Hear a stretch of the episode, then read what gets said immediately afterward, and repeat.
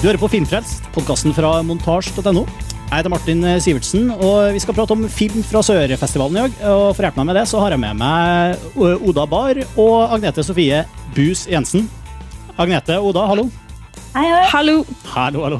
Eh, dere er jo, det er jo nye stemmer på Filmfrelst her, så vi kan kanskje ta en liten introduksjonsrunde først. Eh, Oda eh, Bar med, med, H, det er jo viktig å si. for du har jo, I tillegg til at du skriver for montasje, så har du jo også en uh, relativt godt lest blogg som heter Barfot med H. BHR.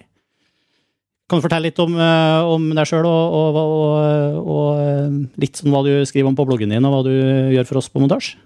Ja, jeg begynte egentlig bloggen å skrive om kultur generelt. Jeg skrev om litteratur og ja, kunst og litt forskjellige ting, og litt grann om film. Laverestående kulturformer, med andre ord. ja, nettopp. Men så var det sånn at Karsten i montasje han leste bloggen min, og så på et eller annet tidspunkt så tok han kontakt og spurte om jeg hadde lyst til å skrive om film også, for montasje. Og det hadde jeg jo lyst til, fordi jeg har jobbet på kino i mange år. Blant annet i Oslo kino i filmavdelingen. Mm. Så, men da, de var litt sånn restriktive på hva jeg fikk lov å skrive om av film. da. Men da jeg sluttet der, så var det jo ingen restriksjoner på det lenger, så da ja, jeg syns det er kjempegøy med film. Ikke sant? Og du skriver jo for, du skriver jo flere steder rundt omkring på, på Ja, jeg er frilanser. Du er frilanser. Men du har vært på Film fra sør eh, og dekka den veldig godt, syns jeg, for, for montasje. Du har skrevet mange flotte artikler og gjort mange dybdeintervjuer, som det heter. Så det har vært en glede å lese. Um, og Agnete, du har også vært, du har vært med liksom, på innsida du, på Film fra sør. Sittet i uh, jury og greier. Ja, jeg har sittet i Dukk Sør-juryen sammen med to andre. Eh, vi har sett eh, elleve dokumentarfilmer som har vært i konkurranse. Og når jeg ikke gjør det, så er jeg daglig leder i et eh, produksjonsselskap som heter Ekkofilm, som holder til i Trondheim. Vi lager dokumentar. Og skal prøve oss litt også på kortfilm. og utvide med fiksjon nå på nyåret. Så vi går inn i en spennende tid. Absolutt. Nå høres ut som en typisk eh, Høres ut som en typisk selger. Politiker. En spennende tid foran oss. Du, har jo, eh, du, du må ikke undergrave at du har jo ganske imponerende Du har vært innom ganske mange eh, filmrelaterte jobber. Liksom, det virker som du kjenner Film-Norge ganske godt? Er det ja, jeg, jeg, begynte som så mange andre i vår bransje med å koke kaffe og trekke kabler på diverse produksjoner. Og, så, og etter hvert så har jeg fått uh, nye, nye, arbeidsoppgaver og nye utfordringer. Og, og, til slutt så endte jeg da i Ekofilm uh, i Trondheim. Og holder i, i, tøylene der. Betyr det at du bare har sett dokumentarfilm på Film fra Sør? da, Agnete? Ja. Det, nei. I, um, jeg fikk faktisk også med meg åpningsfilm. Faustas perler og eh, avslutningsfilmen La Nana. Mm. Så det er de to fiksjonsfilmene jeg, jeg, fikk med meg. Så det var jo et ganske tett uh, program å få sett alle konkurransefilmene. Så det måtte jeg jo selvfølgelig prioritere. Det er jo kanskje betimelig da, å, å, fortelle litt om Film fra Sør-festivalen. altså Hva slags type festival det er, og hva slags type filmer som vises der. Jeg må jo bare røpe for lytterne at uh, jeg har jo ikke vært på festivalen i hele tatt. Så Det er jo derfor veldig bra at, at, dere er her, for eh, så får jeg ta rollen som den eh, eh, kontekstløse, ignorante journalisten, som jeg passer veldig godt til. Ja, du er Fredrik Skavlan. Fredrik Skavlan, som du sier. Så eh, da kan jeg spille stille de uskyldige, pjattende spørsmålene. Så, men altså eh, Du sendte åpningsfilmen 'Fausta spiller'. Det er jo en film som kommer på vanlig kinooppføring på norske kinoer. Og så er det veldig mye dokumentarfilm. Og så er det noe er det noe rød tråd i type filmutvalget fra, på Film fra sør? Vi skjønner jo at det er utenlandsk film, eh, og sør for Oslo sannsynligvis. Men eh, mm. går det an å si noe om liksom, hva slags type filmer som, som vises? Ja, altså når det, når det, er film fra sør, så er det jo faktisk ikke alt som er sør for Norge, som, eh, som er representert. Det er vel Latin-Amerika, det er Afrika og Asia. Ja, De hadde spesielt fokus på Midtøsten og Afrika i år. Ja. Eh, men film fra sør har alltid også mye fra Sør-Amerika, og i fjor hadde de et Japan-fokus, så det er litt sånn. Men uh, stort sett fra andre, andre verdensdeler, da, at det ikke skal være Europa, eller i hvert fall Vest-Europa og Nord-Amerika skal det ikke være. Ja. Nei, og det har vel heller, har heller ikke vært noe australsk film, eller Nei, det har det vel ikke vært. Nei. Mm. For, men det er jo en lang festival har holdt på lenge. De har snart, det er, vel, er det 18 eller 19 år nå? 19 år, De har 20-årsjubileum neste år. Er det første gang for dere, eller? Nei da, jeg har gått på det i mange år. Men jeg har jobbet i Oslo kino, så jeg har ofte jobbet på Film fra sør. da. Nettopp. nettopp. Ja, jeg har også vært, uh, vært publikum på Film fra sør ved flere anledninger. Hvordan, hvordan har utviklinga vært? da? Uh, er det en annen type festival nå enn det var for noen år siden? Altså, det har, det har jeg ikke opplevd, syns jeg. Jeg syns det har vært uh, en uh, veldig høy kvalitet på, på, programmet hele veien. I hvert fall det jeg har sett. jeg vet ikke om jeg sier riktig nå om at programmet har utvidet seg. At det er lengre. Eller at det er mer film. Enn det var for f.eks. seks-syv år siden. Jeg tror det har skjedd noe de siste fem årene. egentlig. De har, mm. Men de har, de har, prøvd seg med litt forskjellige ting. Hvor mange kinoer og hvilke kinoer de har brukt, f.eks. Ja. Og hvor mye sånn debatter og kritiske rom de har. og sånn tror jeg har variert litt også. Men ellers er vel det som varierer mest, akkurat fokus, fokusområdet. Ja, for, for, det er jo også en viktig del av festivalen her, at, det, at ikke man ikke bare ser film, men at også inviteres filmskapere og produsenter og sånt som, som holder eh, både Eh, debattpaneler og, og diskusjoner og foredrag og sånn? Mm, og dessuten skolevisninger. De har et stort program som de tilbyr skolene. Jeg la merke til at de hadde en egen skolekoordinator. Ja, ja nemlig. Og de mm. har, de har spesielt i Oslo, men de, en del skulle jo også videre på turné med filmer og, og filmskapere. En del sånn, sånn skuespillere, eller altså gjestene, da. Skulle følge med på lasset til en sånn liten turné i regi av Den kulturelle skolesekken.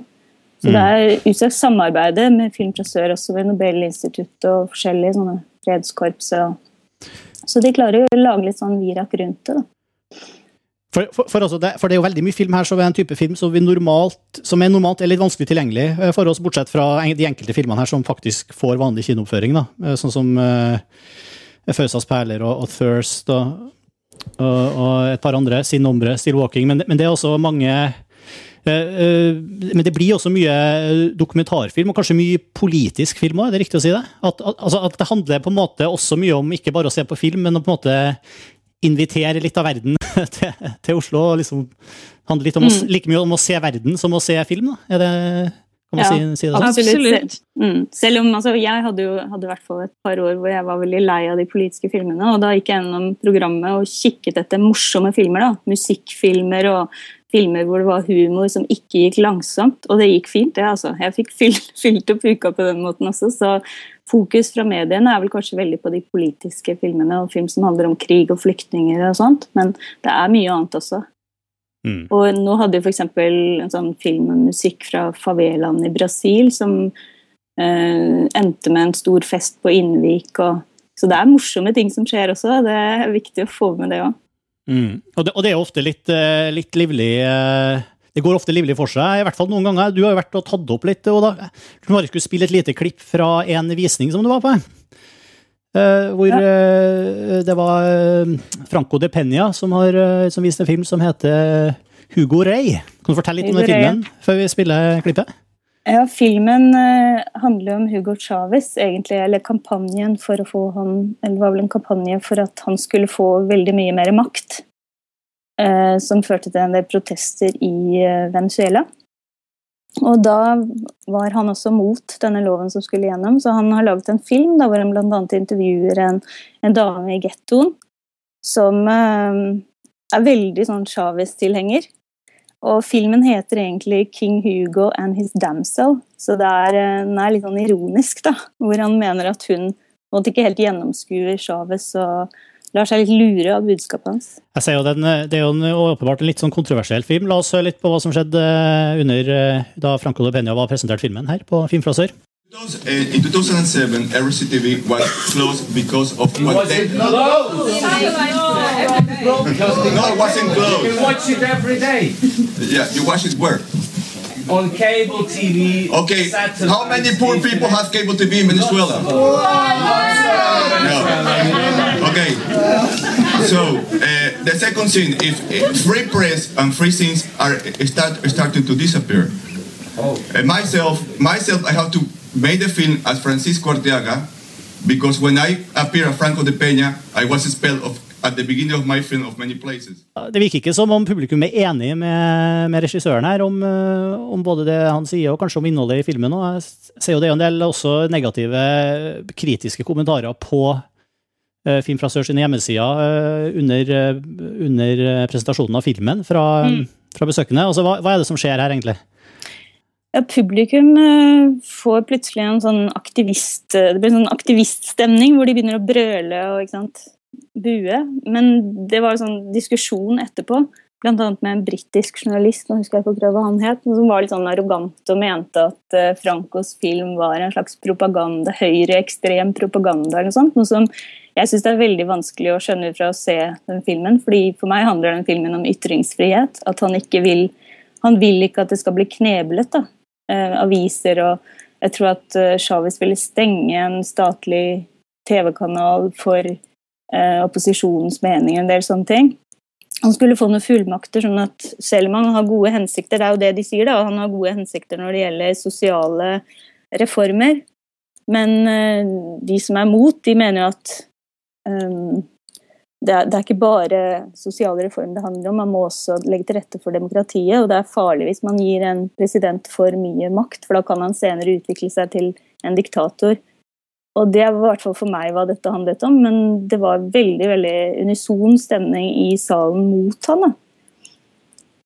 Dette er veldig interessant å høre, fordi jeg så en annen visning uh, med ja, hva kan det ha vært, halvfull sal, uh, og ikke Altså ikke, ikke en eneste knyst fra publikum. Overhodet ikke noen som ut, uttrykte noe som helst i, i, løpet da vi så filmen. Og det var heller ikke noe opplegg etterpå, da, selvfølgelig, for det var jo bare på den ene visningen.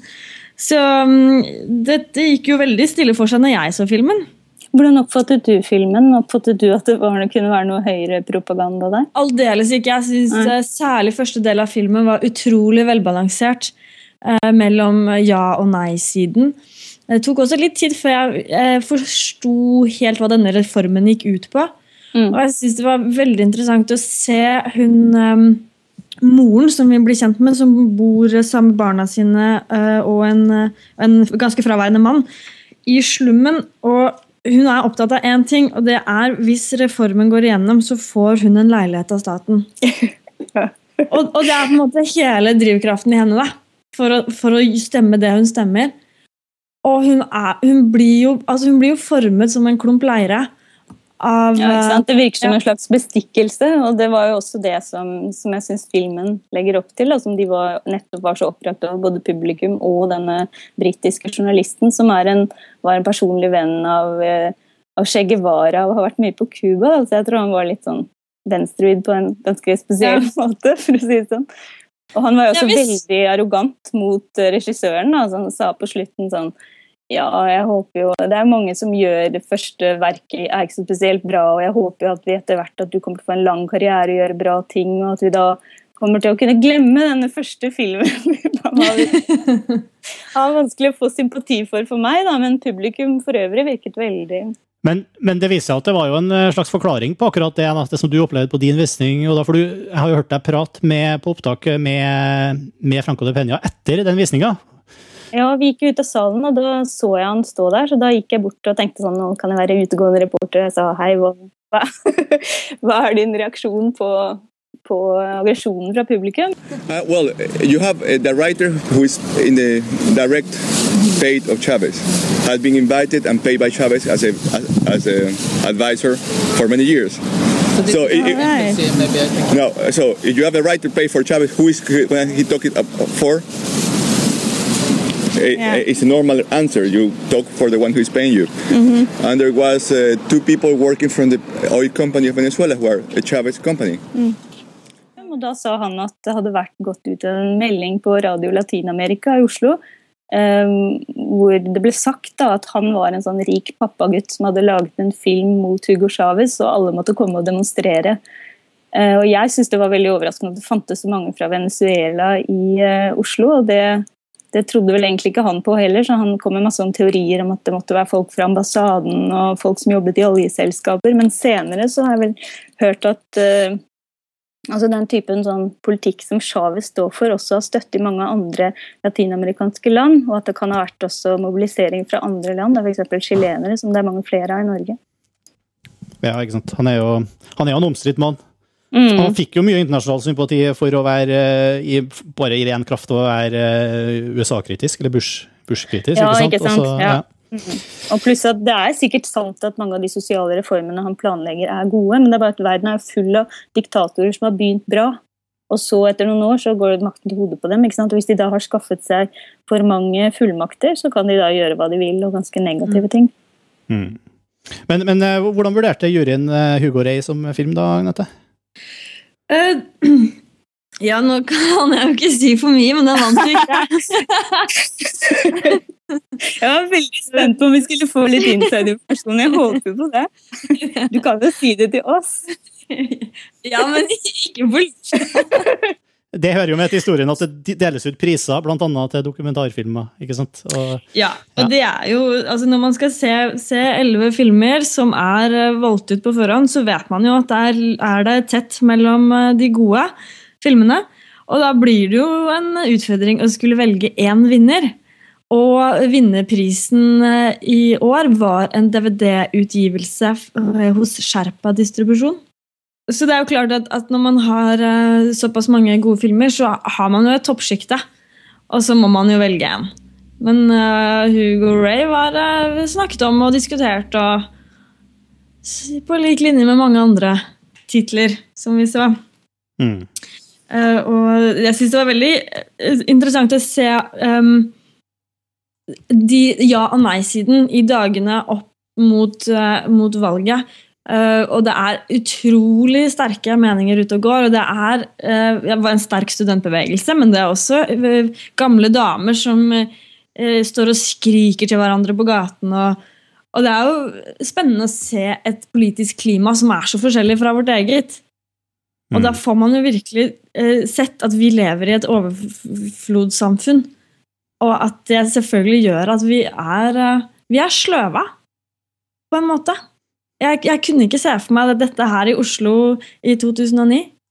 Men du kan si at vi har jo også, vi er sløve, men på en måte har vi også en distanse til å kunne vurdere det idémessige innholdet på en annen måte enn de har. da, Hvor det blir veldig viktig det med, på en måte blir viktigere. Hvis du blir lovet en leilighet, så er det overskygger det alt. ikke sant? Ja, ikke sant?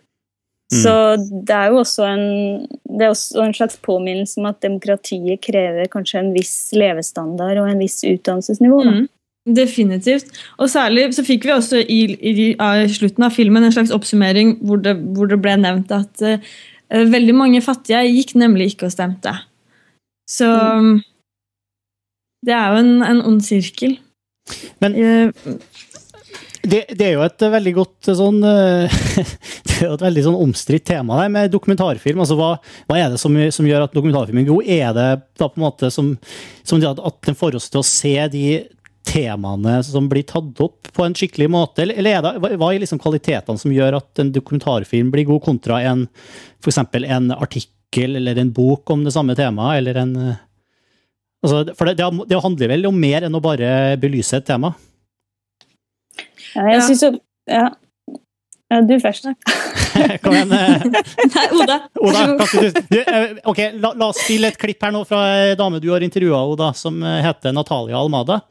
Ja. Som eh, har lagd en film som heter El General, som handler om eh, eh, Plutarco Calles. Nå er min eh, meksikansk-spansk rusten, men eh, altså en av eh, de mest eh, kontroversielle presidentene som har vært i, i Mexico. da. Skal vi høre hva hun har å si om, eh, om, om, hvordan hun, ja, om hennes håndverk som dokumentarfilmskaper. da.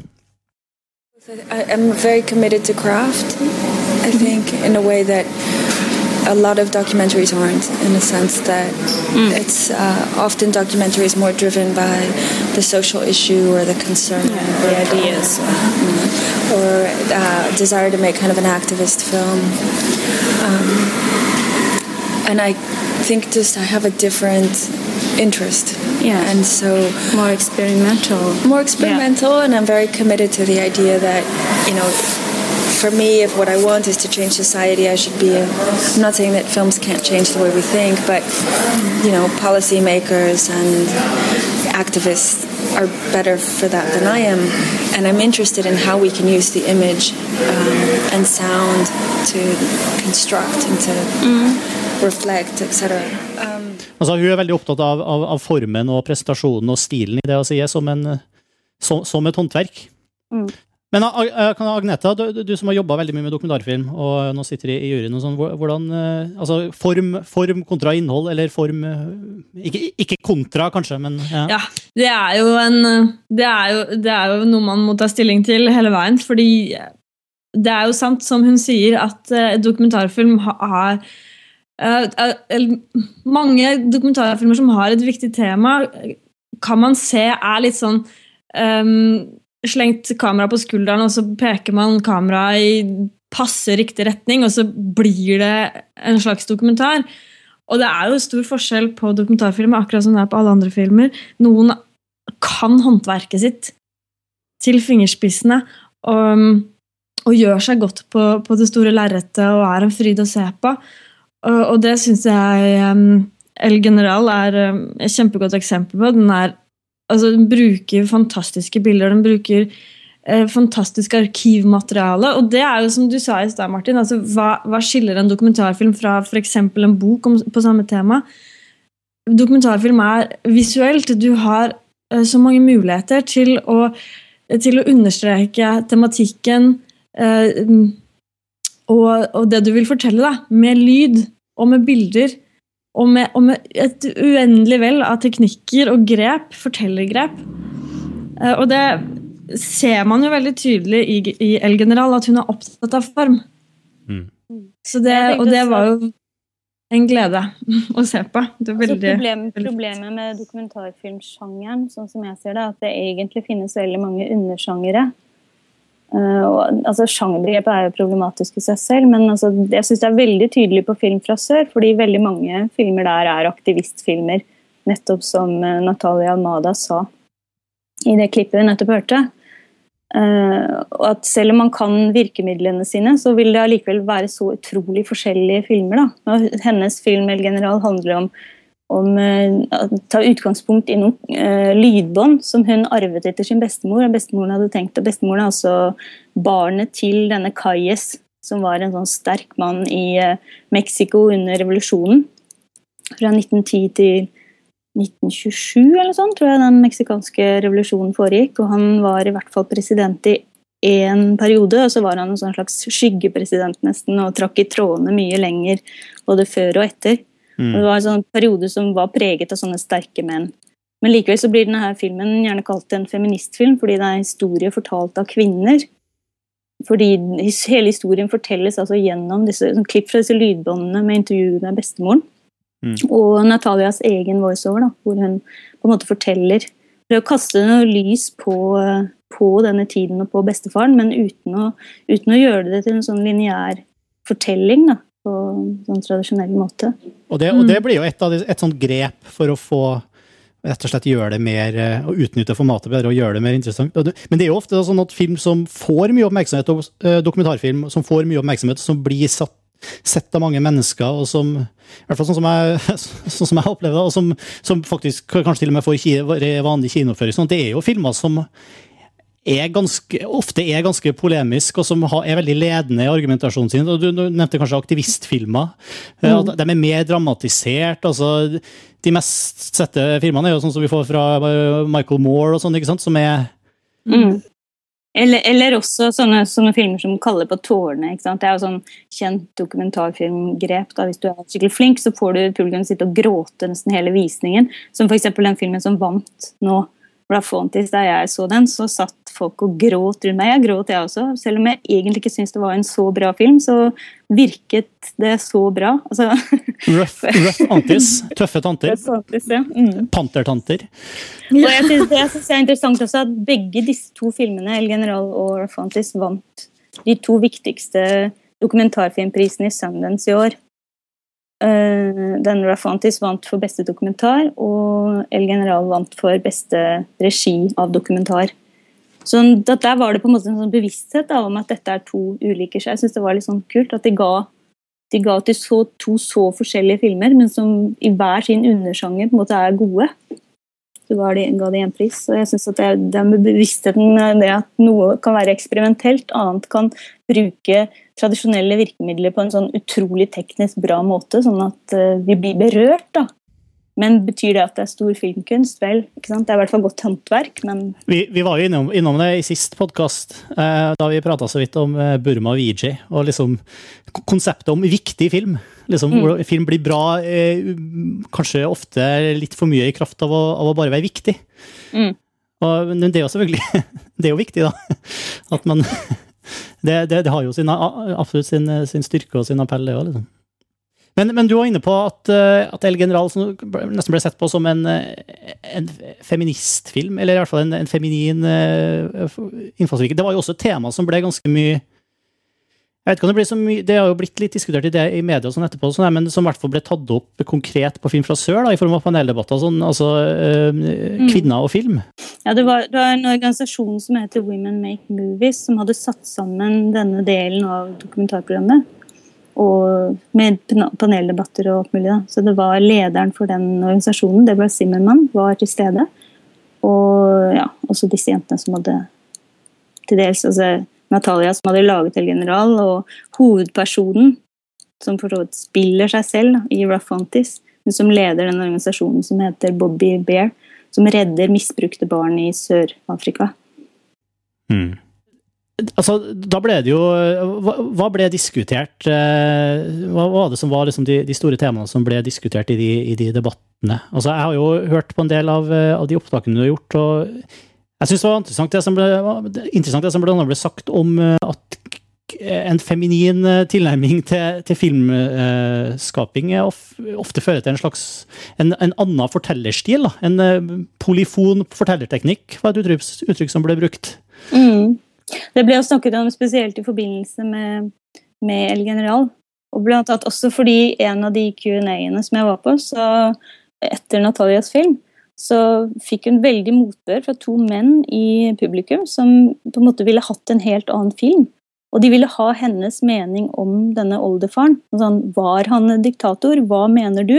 Og hun gjorde sånn forsøk på å si at uh, det var ikke det jeg ville lage film om. Og da, da sa han ene sånn det, det, driter jeg egentlig hva du, hva du vil lage film om. Nå vil jeg vite din mening. og jeg snakket med de to etterpå. Jeg intervjuet både Natalia Amada og Deborah Zimmermann. Det kommer på montasje etter hvert.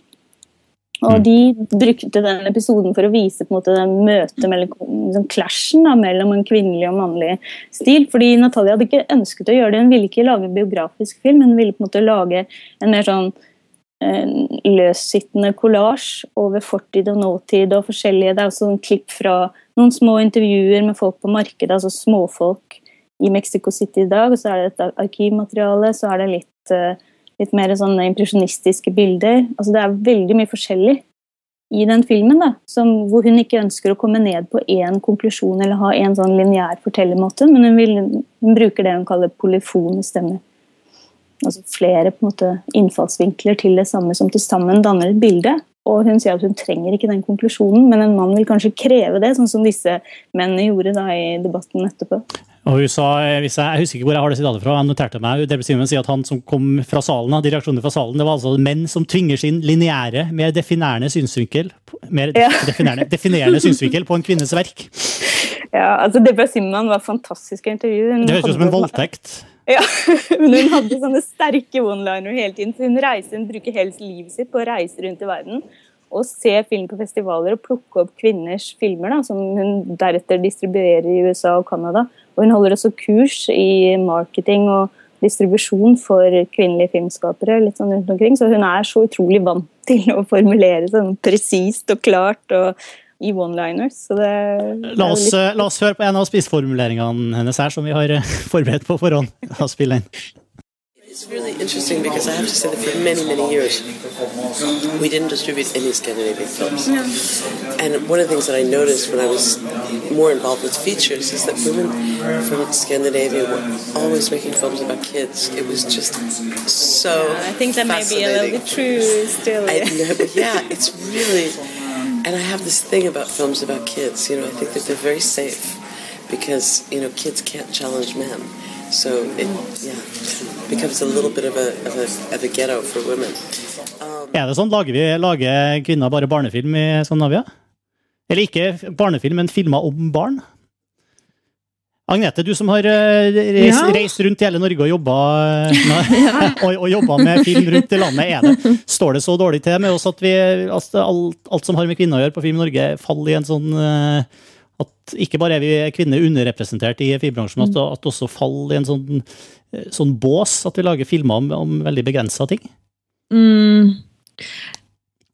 Jeg, jeg, jeg syns ikke det. Jeg har, nå prøver jeg liksom å, å, å telle opp eh, på fingrene mine hva, altså, kvinnelige regissører som har laget noe som handler om barn. Årets kinofilmer, Upperdog, Engelen, Yatzy, Appelsinpiken er jo sånn kvinne, kvinnelige regissører. Ja, Mm. Yatzy er vel en ungdomsfilm. Og, Mm. um, og det hun sier, altså, er jo, er jo at å, altså, å bruke barn, eller fortelle film Eller bruke Ok, vi begynner på nytt. Um, å lage filmer om barn er så trygt. At det på en måte er å, å skyve et sånn litt sånn enkelt triks da, foran seg. Jeg vet ikke helt om Nei, men, altså, er helt jeg syns hun har et poeng i det at kvinnelighet i Norge er veldig mye knyttet til moderlighet ofte, da. Eh, og det Mm. er jo ganske mange som har laget veldig sånn fine, rørende filmer om, om barn. At barn er kvinners filmgetto, sier jeg. Ja, hun, nei, men hun mener liksom Ja, hun mener at der, der kan kvinner på en måte mene og gjøre hva de vil, så vidt jeg forstår. Da, forstår da. De vil ikke få fotbør på den måten de får hvis de f.eks. tar opp et mer politisk emne. Jeg syns, der- jeg, jeg syns jo det er mildt provoserende å si at barn ikke kan utfordre menn på film. Altså, Jo, men, tro, ja, men jeg, altså, utfordre spørs hva hun mener med utfordre, da. jeg, jeg blir jo alltid ekstra bevega av film når det handler om barn. Ja, Det- Ja, og det er kanskje akkurat det hun, uh, hun sier, da. At, Mm. at det, er så, det er så bankers. Ja, Og da, da blir du rørt, og da er det plutselig bra. Jo, men eh, Ja. Altså, det skaper ikke noe debatt. ikke sant? Det blir sånn, det blir i hvert fall en sånn ting menn og kvinner kan være enige om, da. Tror jeg at hun tenker. ikke sant? Hun sier sånn at av dette så har ikke det vært interessant for henne å distribuere skandinavisk film i USA og Canada. Mm. Uh, men også, hun sier også, det er også en annen ting, og det er at uh, kvinnelige dokumentarfilmskapere f.eks. i Skandinavia har tendens til å lage film om ting som ligner på ting i USA. Og da er det heller ikke så interessant, for som hun sier, da har vi våre egne filmer, så da trenger vi ikke å importere det. Så hun trenger noe mer eh, eksotiske, på en måte en mer eh, markant historie for at det skal være interessant. Og hun nevnte jo filmer som hun faktisk har distribuert, da. Blant annet Beate Arnestads Min eh, datter terroristen, som er tatt opp på Sri Lanka. Min datter terroristen høres absolutt ikke ut som det handler om barn. Nei, jeg tror det, så vidt jeg vet, så handler det vel om en mor og en datter som blir altså blir vel en slags geriljasoldat, da, eller noe sånt.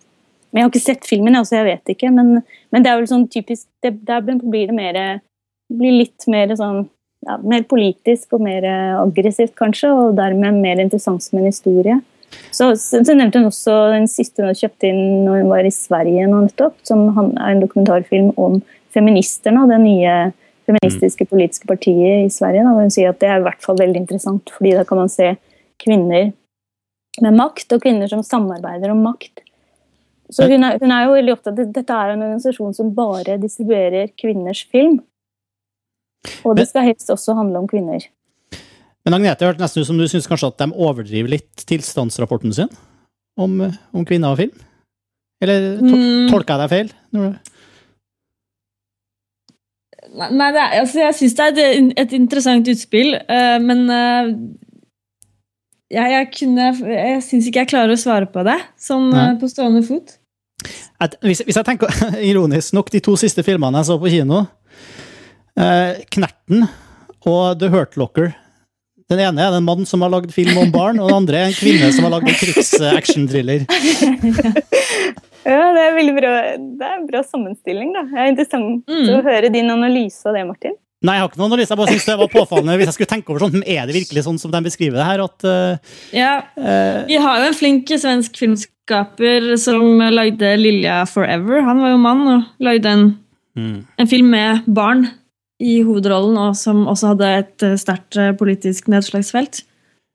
Jeg, jeg la også merke til at ting som gikk igjen i det, her, i det, det jeg hørt fra de debattene her, var altså litt sånn at den de, kvinnedebatten i film kanskje blir litt utviska av at man alltid skal universalisere. Eller det, altså at man ja, Sånn som den herre episoden hvor Uh, hvor det, den, det, er en foreslått regel eller en eller annen sånn målsetting om at det skal være minst 40% kvinner med i film. Men å, vi må ikke glemme at det også må være minst 40% menn med i film! altså det, må... ja, det var et veldig morsomt element ja. i den debatten. Det var en sånn paneldebatt som handlet om den Women Make Movies, eller ja, den organisasjonen, egentlig. da. Og den var ledet av Nina Grünfeldt, og det kom en sånn misforståelse på slutten av den debatten da, hvor Nina Grünfeldt prøvde å forklare nye, dette nye forslaget for Deborah Zimmermann, og Deborah Zimmermann forsto absolutt ikke hva hun mente, fordi hun hele tiden sa sånn Ja, det må være 40% kvinner eller menn. og det var som Kvinner eller menn? Do you mean Norwegians? No, I mean women or men. Så det var liksom, tok litt tid da, før, før fordi det er helt utenkelig at det skulle bli menn ja, som var i minoritet. Sånn, sånn jeg sa det der av demokratiske grunner. Jeg måtte ta med mennene. Det skal jo ikke være for få av dem heller. Og så begynte hele salen å le, fordi det var så at det er helt utenkelig da, at i norsk filmbransje at det skulle bli liksom, overvekt av kvinner i nærmeste framtid. Hmm. Ja, hvis vi skal liksom eh, prøve opp sånn, Nå er jo festivalen over her. Eh, hva, hva, liksom, hva var dine beste opplevelser, Agnete? Hva var de beste filmene du så? Hva, hvordan har det vært? Ja, da må jeg i hvert fall få lov å nevne en, en veldig god film fra Chile som heter 'Judge and the General'. Som uh, handler om en dommer som heter Guzman som i 1989, hvis ikke jeg husker feil, fikk, fikk jobb. Altså han ble rett og slett liksom trukket ut til å få jobben med å etterforske eh, noen eh, lovbrudd eh, som var rettet av mot Pinochet. Um, og Guzman var en overklassegutt som studerte juss og syntes egentlig at det var greit at Allende ble styrta i 1973, og, og, og var um, i grunn ganske ignorant overfor eh, for regimet til Pinochet. Men eh, mot alle odds så begynner han faktisk å ta denne jobben eh, mer seriøst enn det hans kolleger tror han kommer til å gjøre. Og han avdekker jo den ene grusomheten etter den andre. Og har jobbet nå, altså ja, jobber vel den dag i dag med denne saken. da. Nå døde jo Pinochet i 2006 uten å egentlig ha blitt stilt ordentlig for retten.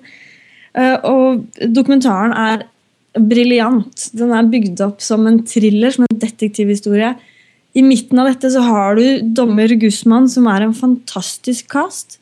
Altså et, En mann med så stor selvinnsikt, og, og som er så interessant å, å, følge. Så det er en film som jeg virkelig vil anbefale alle å få med seg, hvis de har mulighet til det. Eh, men har vi mulighet til det? mm, Nei, jeg tror ikke det. ja, det er akkurat sånn føler jeg med El General også. Jeg, ja. jeg har prøvd å se, og det er vel en slags sånn kjempedyr amerikansk DVD eh, på Amazon, tror jeg, som er det eneste som jeg har klart å finne. Det er iallfall en film som jeg vil eh, prøve å få sett igjen, og gleder meg til å se den igjen også. Veldig, veldig godt laget. The Judge and the General. For, for det er jo sånn, men En del av filmene som vises her, er tilgjengelige på DVD. Eh, men en del er jo ikke det. og Noen blir satt opp på kino i Norge, men andre er det rett og slett vanskelig å få sett. Ja, det er nettopp mm. det det er. Så man må jo benytte sjansen da, man, hvis man er så heldig å være i Oslo akkurat når det er festival. Mm. Så En annen film som jeg vil trekke fram, er jo den som fikk hederlig omtale av uh, Duksør-juryen.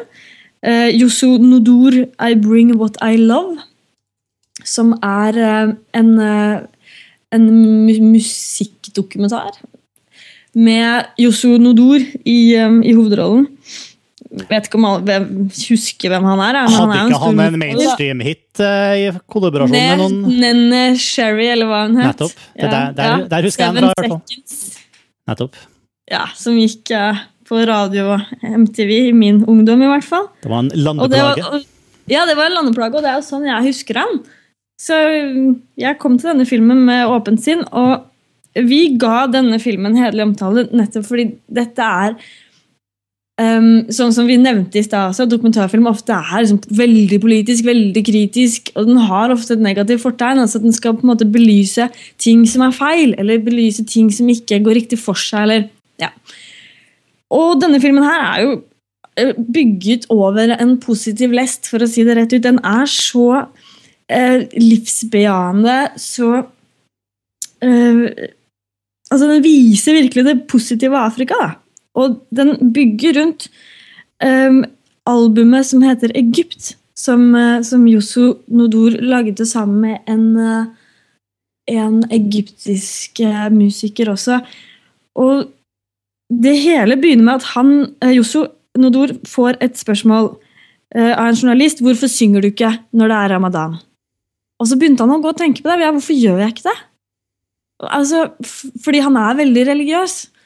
Og religion og musikk det er jo på en måte, det hører sammen for, for Yoso Nodor. Så han bestemmer seg for å lage en religiøs plate og får da med seg altså et knippe av det ypperste av, av musikere.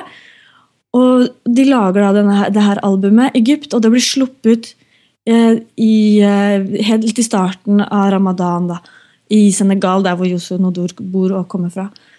Og, og befolkningen snur det ryggen og tar det som en provokasjon og oppfatter ikke uh, den hyllesten da, som han har tenkt at det er. Mm. Så det, det, blir jo en fiasko. Og så går det noen måneder, og han reiser på turné i Europa. og det, altså, Han spiller for fulle hus, og det er en megasuksess. Han vinner en Grammy-pris for dette albumet. Uh, presidenten i Senegal inviterer han til seg, og da løsner det. Altså på hjemmebane. Og han inkluderer jo virkelig hele folket i den suksessen her. Og det er en fantastisk scene der hvor han eh, står opp av takluken på en bil da, med denne Grammy-prisen i hånden og liksom virkelig liksom roper ut da, til alle på gata at det her er oss, liksom. Dette har vi fått til. Så han er utrolig inkluderende til Altså han, jo, han, er jo så superstjerne at han kunne ha stengt seg inne bak solbriller og, og limousinvinduer. Men han eh, Ja, han virkelig er der ute sammen med sine, sine medsenegalesere. Bringing what he loves. Absolutely. og med, med, Peter Gabriel, Gabriel høyt på rollelista, så er det òg? Ja. Mm. Uh, ja. Nå er jo han inne og, og snakker bitte lite grann. Eh, så Men han, eh, han, får vi se. Ja. Så det, det, er absolutt en, en, flott film å se på kino også, fordi du har så mye musikk. Du, det, du blir jo bare revet med. Det er store bilder. Det er altså, virkelig en kinofilm. Kjempegøy. Kjempegøy å se. Så den uh, burde folk få med seg. Og virkelig en, en film som, som hyller uh, alt som er positivt, og, og, kjærligheten til liv og kjærligheten til Gud. Og. Feel good fra Afrika. Ja, kjempefeelgood. Kjempe, kjempefint. Oda, hva, hva, hva, var dine favorittfilmer fra festivalen? Eller favorittopplevelser? Du har lov til å nevne andre ting enn film òg. Ja. Altså, jeg ble jo etter hvert veldig sånn hektet inn i det her kvinnefilmgreiene og fikk snakke med disse veldig spennende menneskene. Så for meg er festivalen i etterkant veldig mye de folkene og det inntrykket de gjorde på meg, men også altså, filmen El General i seg selv er veldig spennende. Jeg tenkte også skulle nevne en, en ting som som jeg glemte i sted, at hun bruker også noen populærkulturelle klipp, da, blant annet sånn tale som Marlon Brando holder i, i eh, jeg tror det heter La Zapata, eller Viva Zapata, en eller annen film fra 50-tallet. Liksom, hun fletter inn sånne ting. Da. Hun fletter inn også små klipp fra Eisensteins uh, ufullførte Mexico-verk. Altså, det er veldig sånn, Den er så rik, den dokumentaren. Men den er jo litt vanskelig å få tak i, så jeg tenkte jeg skulle nevne et par andre filmer som man faktisk kan se her etter hvert.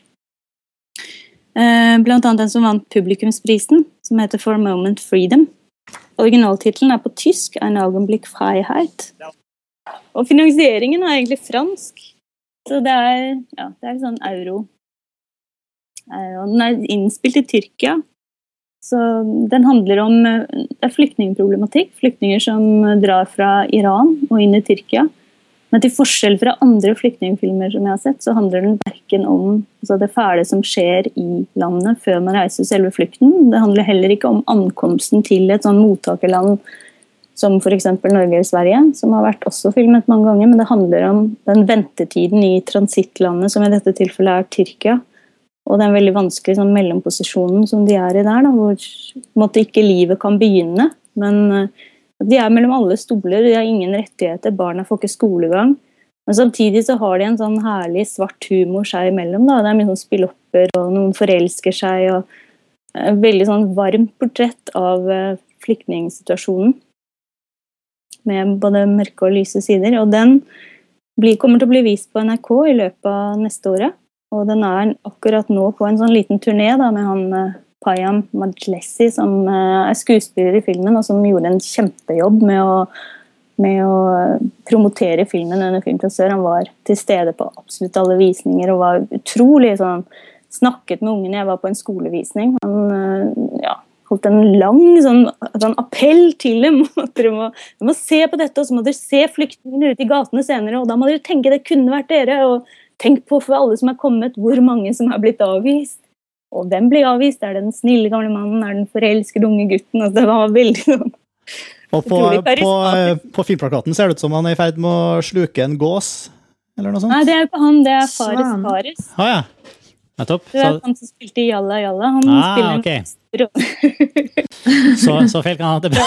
han spiller veldig sånn, en morsom rolle i den filmen, da, hvor han blant annet er sånn, de sitter og har det litt sånn fattigslig og spiser bare tørt brød, og så er det sånn Liker du kylling? Ja, jeg liker kylling, jo større og bedre. Og så fanger de denne svanen, da. En svane. Jeg blir bare forvirra, fordi på liksom største du kan tenke deg. fordi på du, du, har jo skrevet et lengre intervju på montasje med Paya Madlessi, og du, der var det bilde av han med svanen, illustrasjonsbildet, så jeg ble litt forvirra. ja.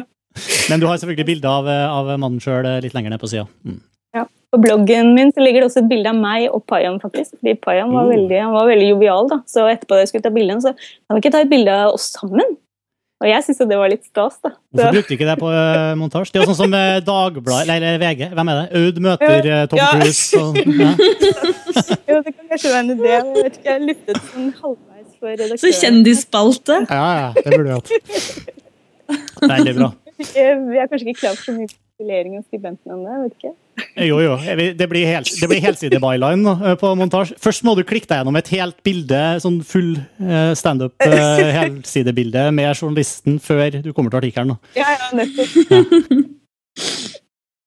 Men jeg skal nevne en siste film også, som var egentlig det høydepunktet for meg på festivalen. og Det er den som heter 'Djevelens trekkspill'. Ah. Som er liksom trekkspillbattling. altså Det er på en måte Eight Mile med Eminem, bare i trekkspillversjon. Er Stian Karstensen med, eller? Hæ? Er Stian Karstensen med?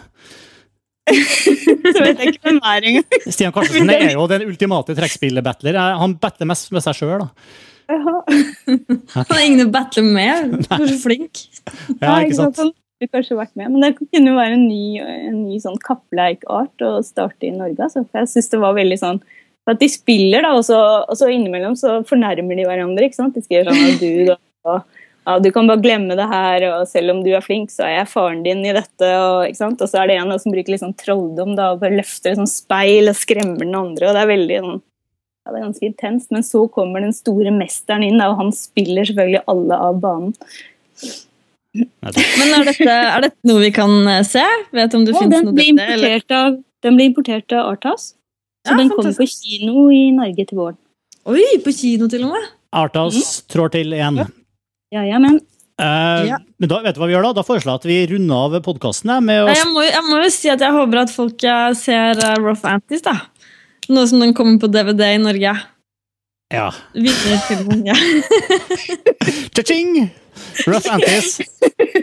Tøffe, tøffe tanter. Det var vinnerfil, dokumentarvinnerfilmen, riktignok. Det var det. Mm. Og den, eh, den er verdt å, å få med seg. Så Den må ikke se. jul, julegavetips. Bra. Skal jeg prøve å runde av da, eller? Vær så god. nå ødela du avrundingen til Morten. Ja, for det. det var så, jeg tenkte jeg skulle ha så myk overgang til å spille en liten strofe fra Djevelens trekkspill som uh, avslutningsmusikk. skjønner. Så det har passa veldig bra. Så legger vi på den her idet vi går ut av podkasten. Men det har vært eh, kjempebra å få vite hva som skjer, hva jeg gikk glipp av på Film fra sør.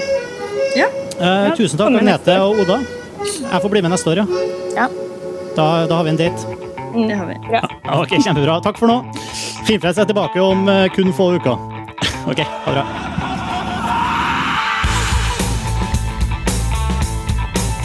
Filmfrelst er en ukentlig podkast fra filmnettstedet montasj.no. Du finner oss i iTunes eller på montasj.no slash filmfrelst. Og vi tar gjerne imot innspill og tilbakemeldinger på filmfrelst.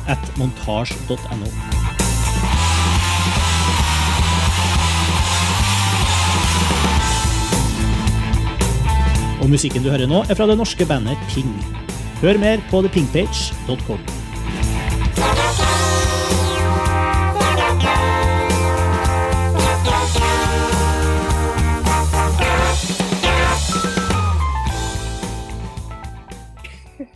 Sånn.